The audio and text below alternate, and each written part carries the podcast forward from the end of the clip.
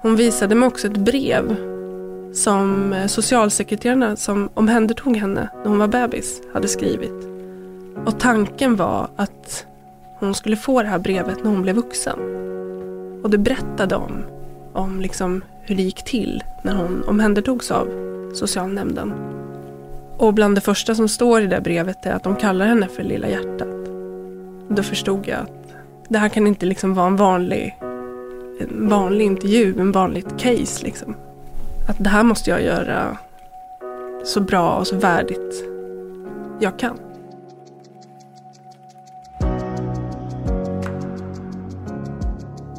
Det är över 30 år sedan men jag kan fortfarande känna ett glädjesvall när jag tänker på ögonblicket då samtalet kom. Du har vunnit Stora Journalistpriset. Den känslan delar jag nog med alla som fått det där telefonsamtalet. Jag heter Stefan Mer och det här är Stora Journalistpris-podden. Bakom varje stort avslöjande, varje prisvärd berättelse och story döljer sig en annan story. Historien om hur det gick till.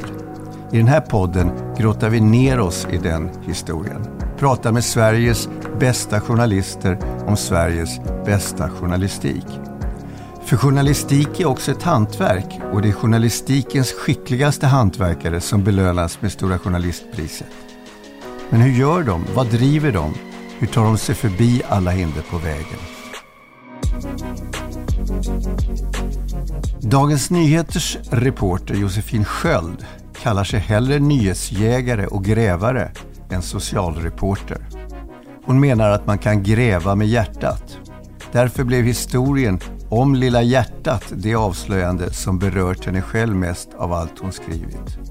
För reportaget om flickan som inte ens fick fylla fyra nominerades hon till Stora Journalistpriset i kategorin Årets avslöjande 2020. Det är DNs mest lästa reportage någonsin. Journalistik som gjort skillnad. Fällande domar och fyra lagförslag ute på remiss ska se till att barnens rättigheter kommer i första hand och att den här typen av historier aldrig behöver berättas igen. Välkommen till Stora Journalistprispodden Josefin. Tack så mycket. Ta med oss till hur ditt journalistiska liv började. Mitt journalistiska liv började väl egentligen en sommar när jag sommarjobbade på Bergslagsbladet i Köping. Du, du växte upp i Köping? Jag växte upp i Köping och fick sommarjobb på lokaltidningen Bärsingen som den heter, eller kallas. Man var ju runt på allt. Den bästa skolan skulle jag vilja säga idag. Att eh, lära sig, ta kontakt med folk, hitta på egna Alltså jag, jag drevs ju ganska mycket av saker som jag tyckte var spännande. Alltså kunde man på något sätt få åka högsta upp, upp i silon i Köping liksom för något jobb så såg jag till att göra det och hitta någon vinkel på det. Vad hade du för nytta av de där erfarenheterna när du gick vidare? Alltså man, som lokaltidningsreporter så träffar du ju människor i väldigt olika sammanhang. Alltså allt från högsta chefen på banken till badvakten. Alla typer av människor och eh, det tror jag att jag lärde mig jättemycket av. Det är en ovärderlig erfarenhet som jag har användning för i stort sett varje dag på mitt jobb. Så hur gick du vidare därifrån? Ja du, därifrån, eh, jag pluggade klart på Södertörns högskola, journalistutbildningen där. Sen flyttade jag till Uppsala, läste statskunskap och tjatade mig in på UNT. Och där fick jag faktiskt jobb som webb-tv-reporter. Eh, så jag filmade och, och gjorde liksom tv-reportage som få personer tittade på. Eh, men det var ett bra sätt liksom att komma in och vara runt på olika avdelningar och lära känna alla på tidningen. Man var lite frifräsare liksom. Eh, som i viss mån kunde köra lite eget race. Och det var ett, ett bra sätt att få fast anställning också. Och det fick du? Det fick jag. Gjorde du några avslöjanden? Det var väl då kanske, jag jobbade mig vidare sen och, och liksom blev skrivande reporter. Och då började jag gräva för första gången. Och jag eh, utgav mig på nätet för att vara 14 år och sålde oskulder. Och fick väldigt snabbt napp från män i Uppsala. Jag klädde faktiskt ut mig till 14-åring och mötte upp de här kararna.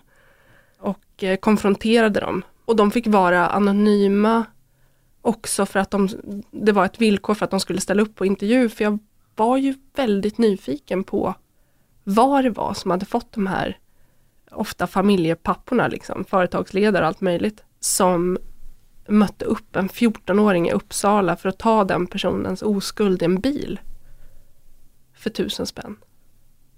Så det var väl så jag kom in på, på undersökande journalistik. Sen fick jag sommarjobb på Aftonbladet, tog tjänstledigt från UNT och inledde min, mitt yrkesliv där. Och det var ett stort kliv att gå från mm. UNT till Aftonbladet som var så nyhetsskapande och stor kvällstidningsdrake. Hur var det för dig? Lärorikt, framför allt. Det var ju verkligen ett helt nytt sätt att arbeta.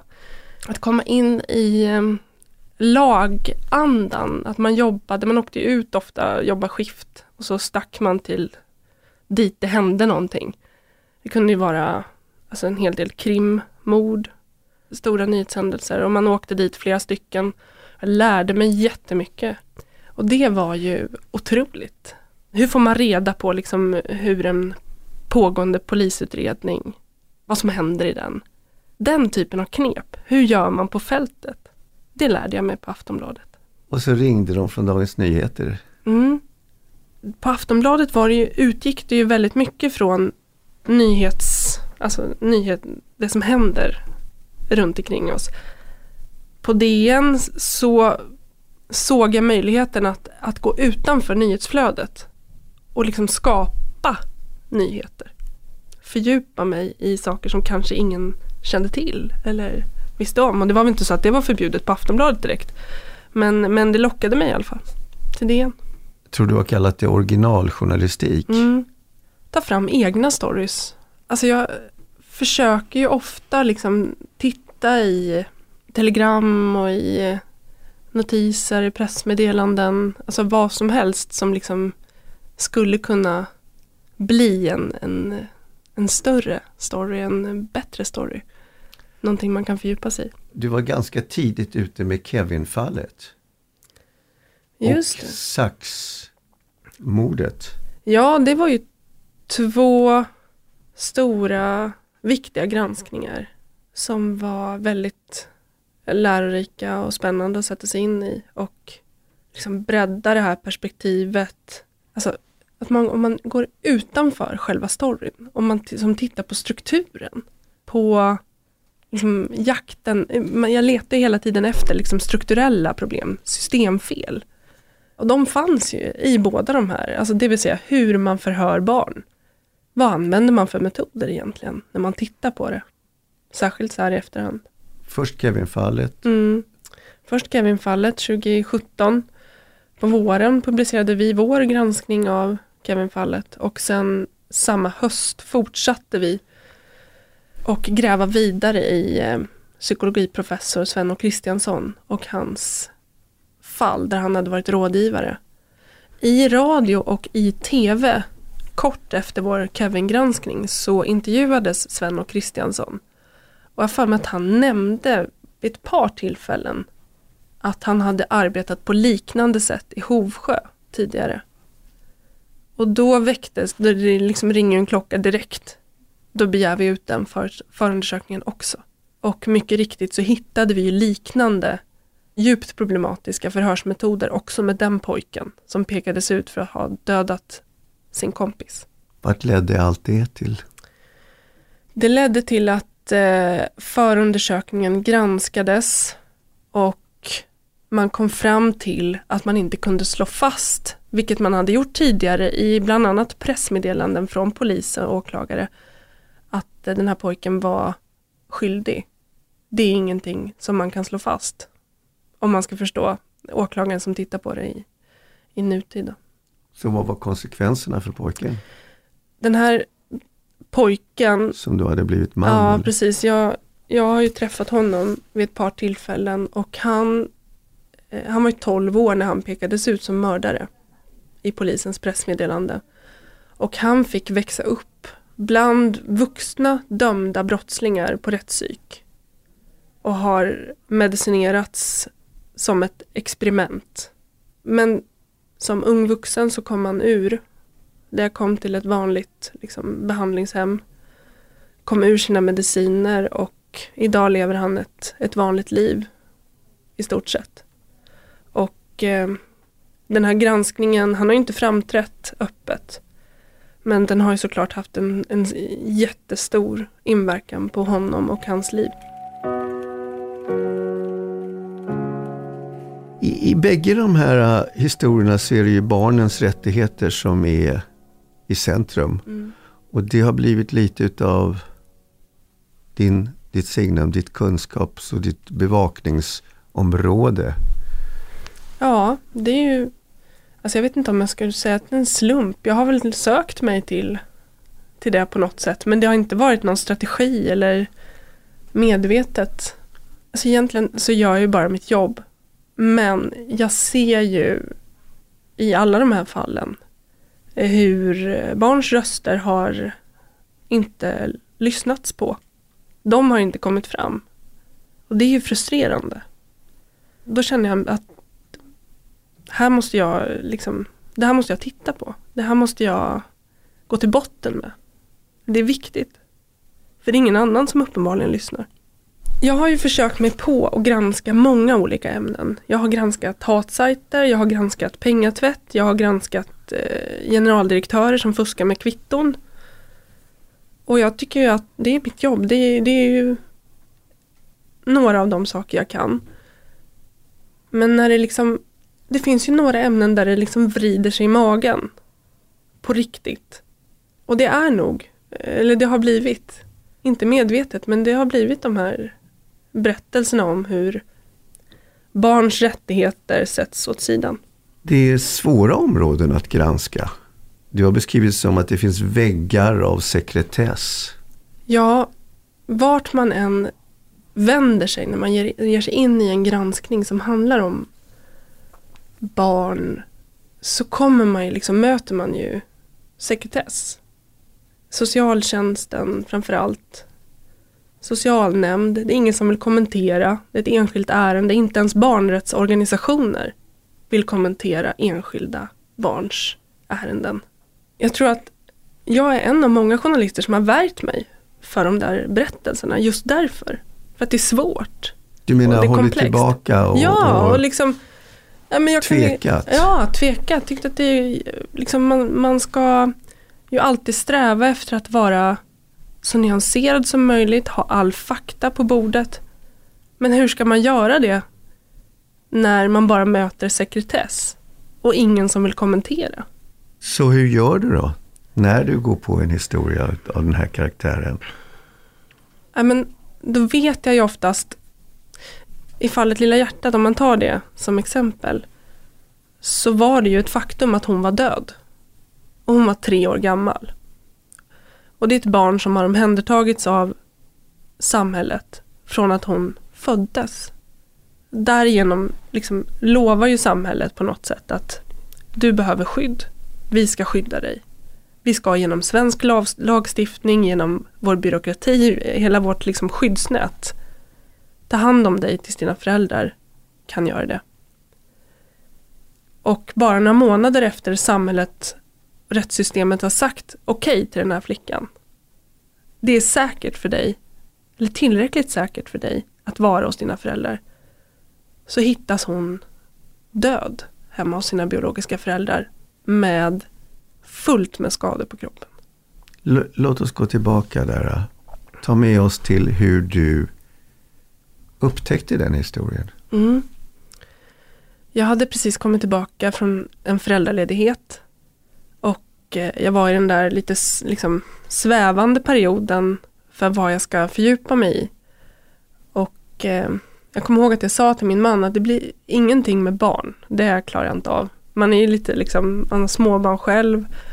Och så satt jag på bussen över Västerbron och, och får upp en eh, notis på Omni som bara skriver kort om en, ett dött barn som har hittats i en lägenhet i Norrköping. Och jag tänker, fan. Jag, liksom, jag drogs till den. Det är ändå inte så vanligt att småbarn hittas döda hemma. Det är ovanligt.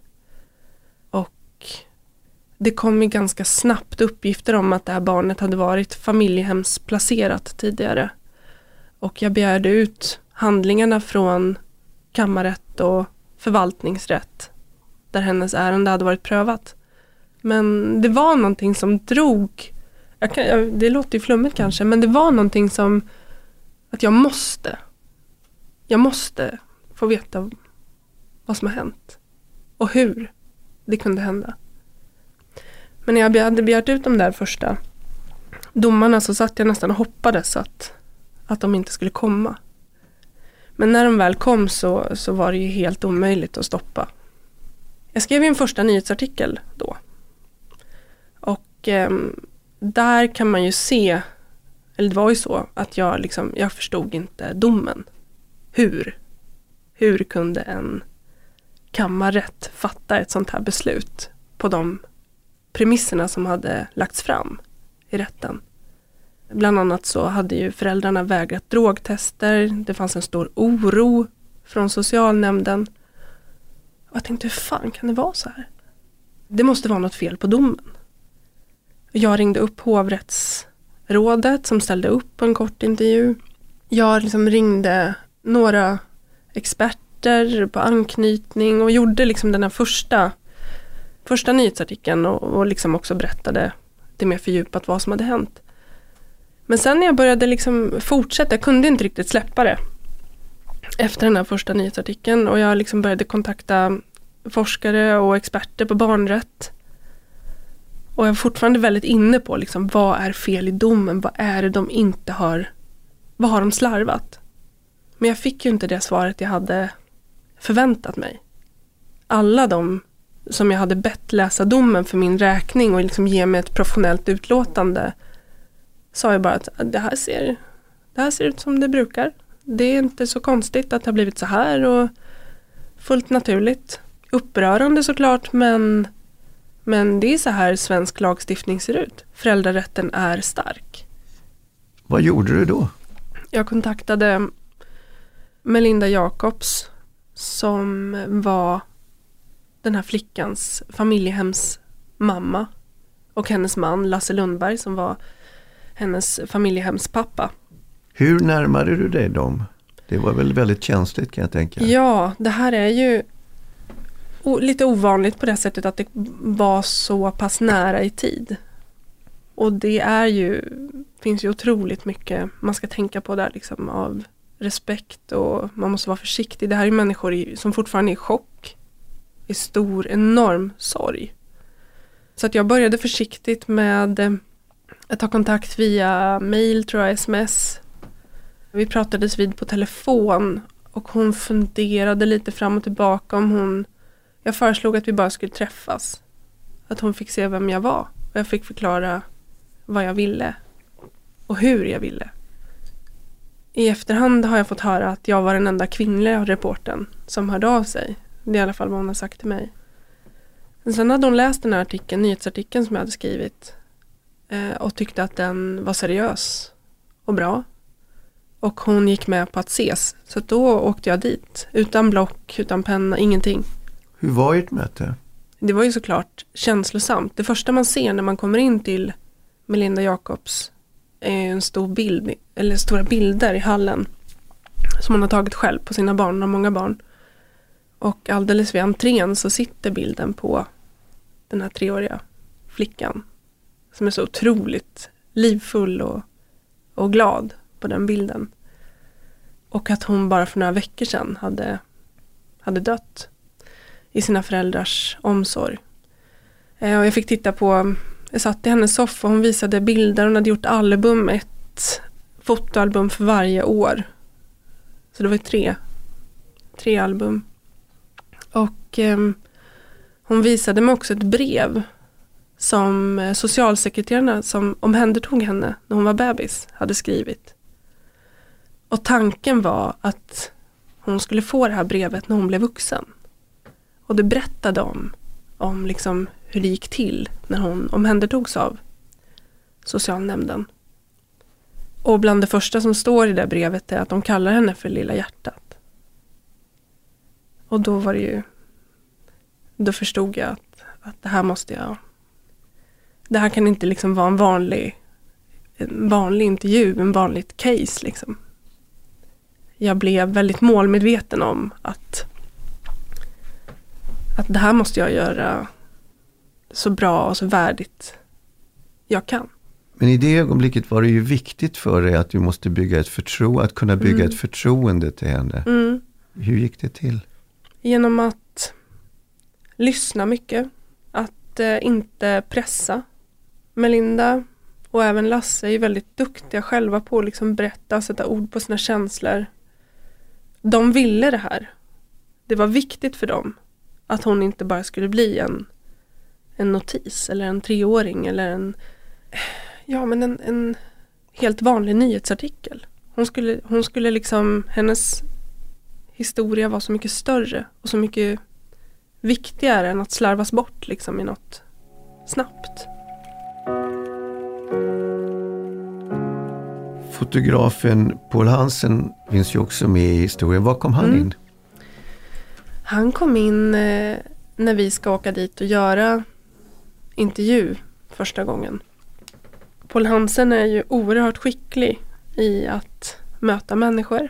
Att, eh, att vara i, i liksom svåra situationer, att vara i, träffa människor, intervjua människor i sorg och i chock. Vilket man ju gör ibland ute på fältet till exempel. Och han gjorde också en video. Ja, det är faktiskt den enda intervju. Vi sätter bara på, alltså Paul sätter på kameran. Vi gjorde liksom ingen separat intervju. Utan det är den som, som vi gör, bara rakt upp och ner. Och som vi ju får bryta ibland också för att det blir eh, svårt. Det går inte att förklara för ett treårigt barn att man ska ta sig ifrån sin familj. Det går inte. Så jag låtsades att hon bara skulle vara där en stund. Framförallt så liksom är han också duktig på att, att hålla Alltså att, att underlätta stämningen. Det är otroligt. Det är liksom bara mörkt. Det är bara svårt. Eh, alla är liksom på gränsen till att bryta ihop. Det handlar ju trots allt om ett litet barn som är dö dött. Alla kvällar när hon låg nära mig när vi läste godnattsagor. Att se henne med de andra barnen. Hennes skratt, hennes kramar, hennes kärleksförklaringar. Allt med henne. Svårighet i den här granskningen är ju att vara väldigt berörd också som journalist. Ehm, och försöka hålla huvudet kallt. När, när man inte kan stå emot att bli berörd av den här flickans öde. Men jag fick ett råd också från, från en kollega som, som sa bara att använd det. Använd dina, din empati och dina känslor och tillåt dig att göra det. Samtidigt som du håller huvudet kallt och fokuserar på journalistiken och gör ditt jobb. Och det, den här, det här reportaget är ju resultatet av det.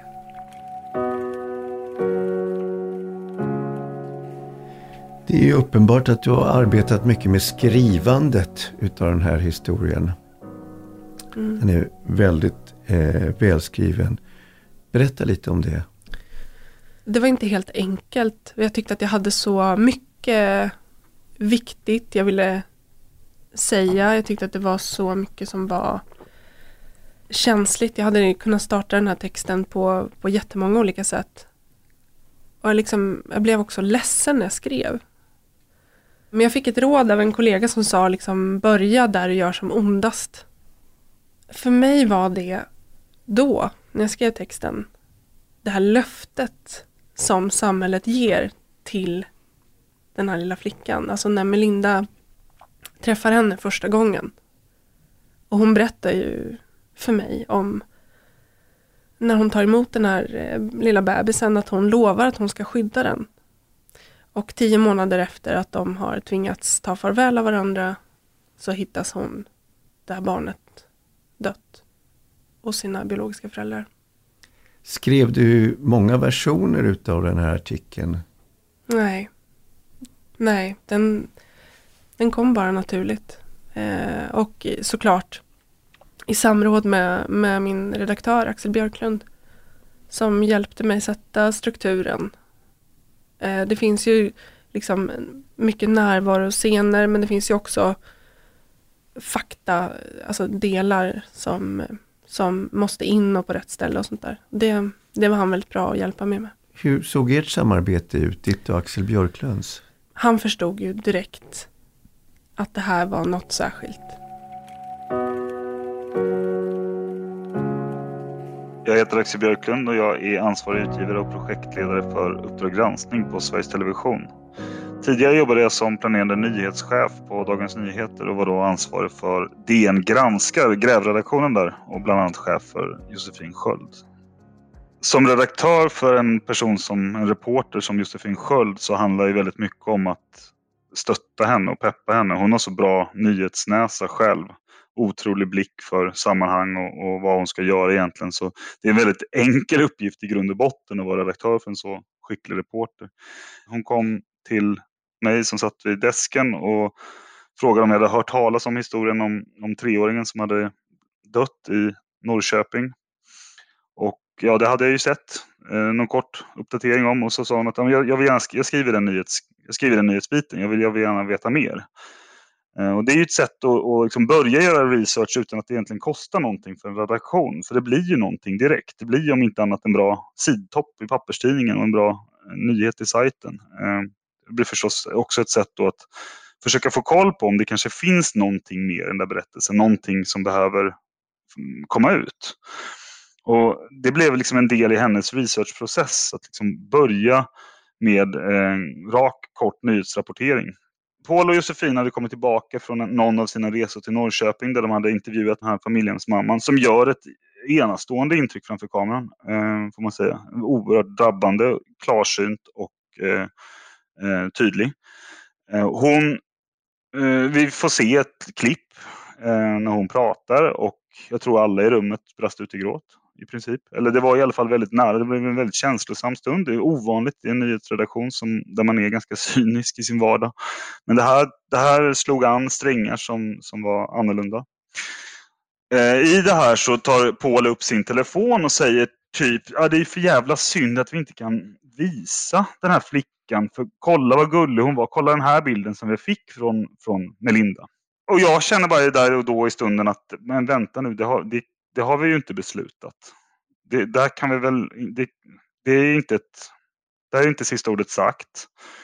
Eh, och eh, bokar ett möte med Peter Wolodarski som är chefredaktör och ansvarig utgivare. Visar honom en sekvens från filmen med Melinda Jacobs och bilden och berättar hur vi tänker och resonerar. Helt enkelt varför vi vill namnpublicera, varför vi vill bildpublicera. Och han, han blir precis lika drabbad som vi andra av den här berättelsen. Och eh, ger ett vad ska man säga, preliminärt väldigt positivt besked. Det ändras sen då i, i den delen kring namnpubliceringen. Men det ändras inte i bildpublicering som jag tycker är mycket viktigare och det, det var skönt. Och det handlar, om, eh, det handlar då om att de, framförallt var det ju i samråd med några jurister som vi samarbetar med som, som eh, som menade på att det fanns prejudikat som visade att barn i en så ung ålder ändrar sitt utseende så pass snabbt att en bild inte blir så utpekande om man inte samtidigt namnger och eh, har med bostadsort, vilket faktiskt inte heller fanns med i det långa reportaget. Och vi tyckte att det var vår plikt att ge henne ett liv åtminstone efter döden. Men det ska ju sägas att det här är ju liksom, det är det som är ganska ovanligt med den här storyn. Alltså det, här, det här blev ju, jag tror att det blev när vi publicerade DNs mest lästa reportage genom alla tider. Alltså på över 150 år. Det är en ganska, eh, ganska speciell bedrift faktiskt för en enskild publicering. Det här gjordes på fem veckor från, från notisen till publiceringen. Det här var ett maxa mediets format på något sätt. Det var en stark kort film, en, alltså bara en ren intervju med den här kvinnan, mamman. Det var en väldigt bra text. Och det var jättevackra stillbilder eh, som Paul Hansen hade tagit. Så totalt sett så var det här att maximera en papperstidning i, även i sin digitala form eh, på ett sätt som också gör att det faktiskt inte är så dyrt och kostsamt. Det går att göra det som skribent på fem veckor. Det var en, det var en ansträngning, det var verkligen en ansträngning för Josefin och för oss alla. Men, men det var också helt möjligt.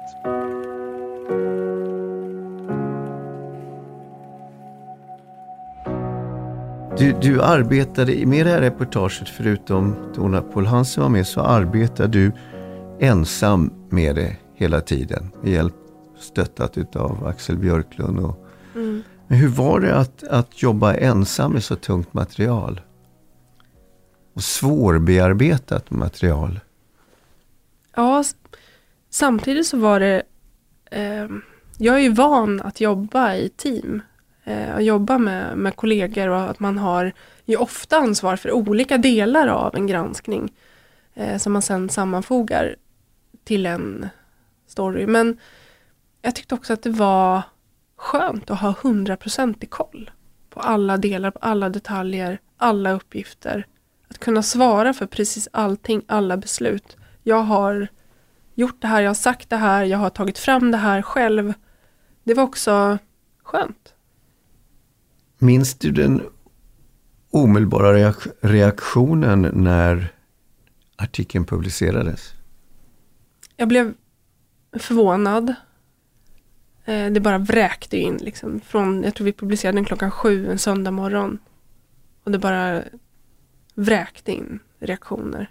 Eh, och jag blev, jag blev jättechockad. Jag var lite, hade väl varit lite sådär betänksam innan hur läsarna skulle reagera på att vi just publicerade bilden på henne. Och, eh, det var ju mycket i det skedet också som vi inte visste vad som hade hänt henne. Vi visste att hon hade dött hemma hos sina föräldrar, att de var misstänkta, men vi visste faktiskt inte så mycket mer. Utan granskningen handlar ju mycket om vad som hände innan hon dog och hur skulle det tas emot? Men jag och minns också att jag blev glad över att barnrätt och den här frågan togs på allvar, att det var så många som ville läsa om det. Att det var så många som ville ta till sig hennes historia. I januari hittades en treårig flicka död i en bostad i Norrköping. Föräldrarna till flickan greps och häktades misstänkta för vållande till annans död och brott mot griftefriden. Idag åtalades mamman i det uppmärksammade fallet med den döda treåriga flickan som kallades Lilla hjärtat. Efter att en treårig flicka hittades död hos sina föräldrar i Norrköping i januari kan lagen om vård av unga ändras. Det säger socialminister Lena Hallengren. Det är fruktansvärt tragiskt, man blir väldigt berörd och allt ifrån som jag tog del av det här från första början till jag träffade Melinda förra veckan till jag läste det här omfattande artikeln. Vi har ju samlat majoritet nu i riksdagen för att göra de lagförändringar som krävs för att öka stabiliteten och långsiktigheten för fosterplacerade barn så att de inte ska ryckas upp fram och tillbaka mellan olika fosterfamiljer och biologiska familjer. Det har saknats under mycket lång tid och, och nu verkar det som att riksdagen kommer ställa sig bakom att ändra den lagen. Lilla hjärtat är det mest lästa reportaget någonsin i DNs historia. Vad innebär det konkret? Jag tror att det är eh, omkring 1,3 miljoner sidvisningar på reportaget.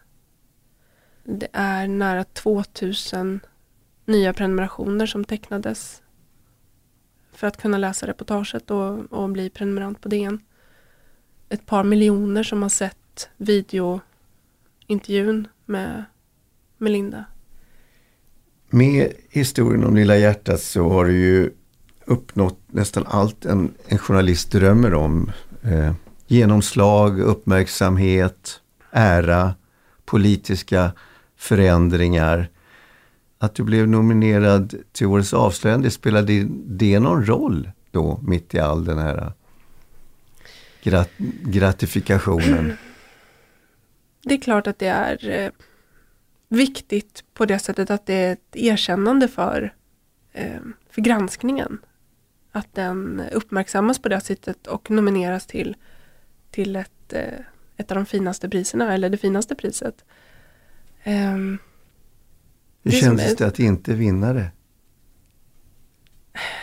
Nej men det är klart att man att jag blev besviken men samtidigt så är väl kanske den största, det här säger jag inte bara, utan den största vinsten är ju att att en granskning har lett till någonting konkret viktigt som inte är viktigt för, alltså för mig personligen som journalist utan, utan för de barn som annars hamnar i kläm i systemet och som drabbas av, av uh, orättvisor.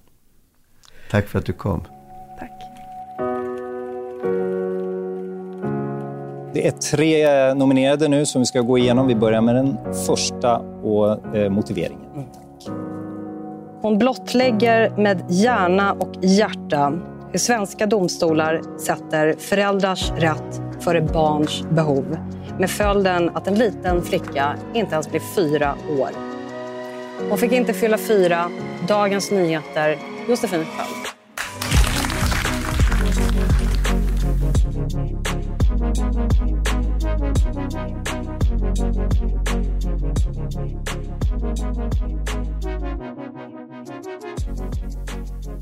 Thank you.